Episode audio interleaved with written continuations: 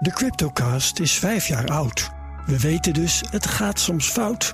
Dat is hier steeds weer voorgekoud. Maar wie zijn crypto altijd houdt, als was het elektronisch goud, dan daar zijn strategie op bouwt.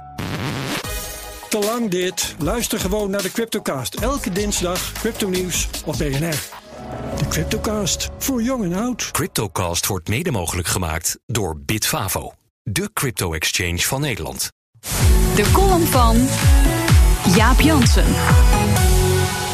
Soms luister ik even naar een andere zender. Ik stuitte op Radio 1 op EO-presentator Thijs van den Brink. Er klonk paniek. Kijk uit, er is een hobbel. Wat doe je nou? Je fietst door rood. Dat kun je niet maken, man. Thijs heeft het plan opgevat om in wielertenu te gaan fietsen met vicepremier Hugo de Jonge van het CDA. Natuurlijk, zegt Hugo meteen ja. Het CDA is immers de partij van oud-premier Dries van Acht. Die was vergroeid met zijn racefiets. Het maakte hem buitengewoon populair. Ook de CDA-leider van nu, Sibrand Buma, springt op een vrije dag graag op de fiets. Bovendien heeft Hugo de Jonge net een nieuwe Cannondale. Altijd leuk om te showen. Thijs en Hugo fietsen door Rotterdam, de stad waar de CDA wethouder was en samenwerkte met Leefbaar Rotterdam van Pim Fortuyn. Pim was heel bijzonder. Hij heeft me geïnspireerd om politiek actiever te worden, zegt de jongen. Hij werkte destijds als onderwijzer op Zuid en daar zag je volgens hem de kwalijke kanten van de multiculturele samenleving. Ik vond het fascinerend dat Fortuyn dat gewoon benoemde, zegt de jongen. Dat was een doorbraak. Zoef gaat zijn Cannondale en de vicepremier vertelt dat hij in 2010 op het fameuze CDA-congres waar de partij bijna scheurde, stemde voor regeringssamenwerking met de PVV van Geert Wilders. Als zo'n grote groep mensen erop stemt, kun je niet zeggen: ik werk niet samen. Dat zou een slecht signaal zijn naar de samenleving, zegt de jongen. Bij zoveel enthousiasme is wat volgt voor Thijs van der Brink een inkoppertje.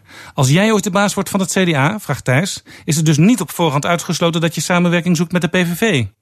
Het is volgens de jongen en hartstikke niet aan de orde, om heel erg veel redenen niet. En wat ik zeg, daar sta ik ook van harte achter, ik vind dat je in beginsel altijd moet willen samenwerken met iedereen.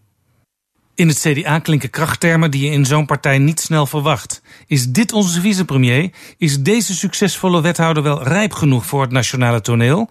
Dat je na de dood van Pim Fortuyn in zijn stad samenwerkt met Leefbaar, Allah. Maar met de partij van Poetin en Le Pen? Dat nooit meer, heeft Sivan Buma keer op keer gezegd sinds Wilders in 2012 zijn steun introk aan het kabinet Rutte 1.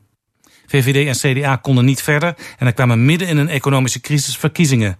Het CDA tuimelde van 21 naar 13 kamerzetels.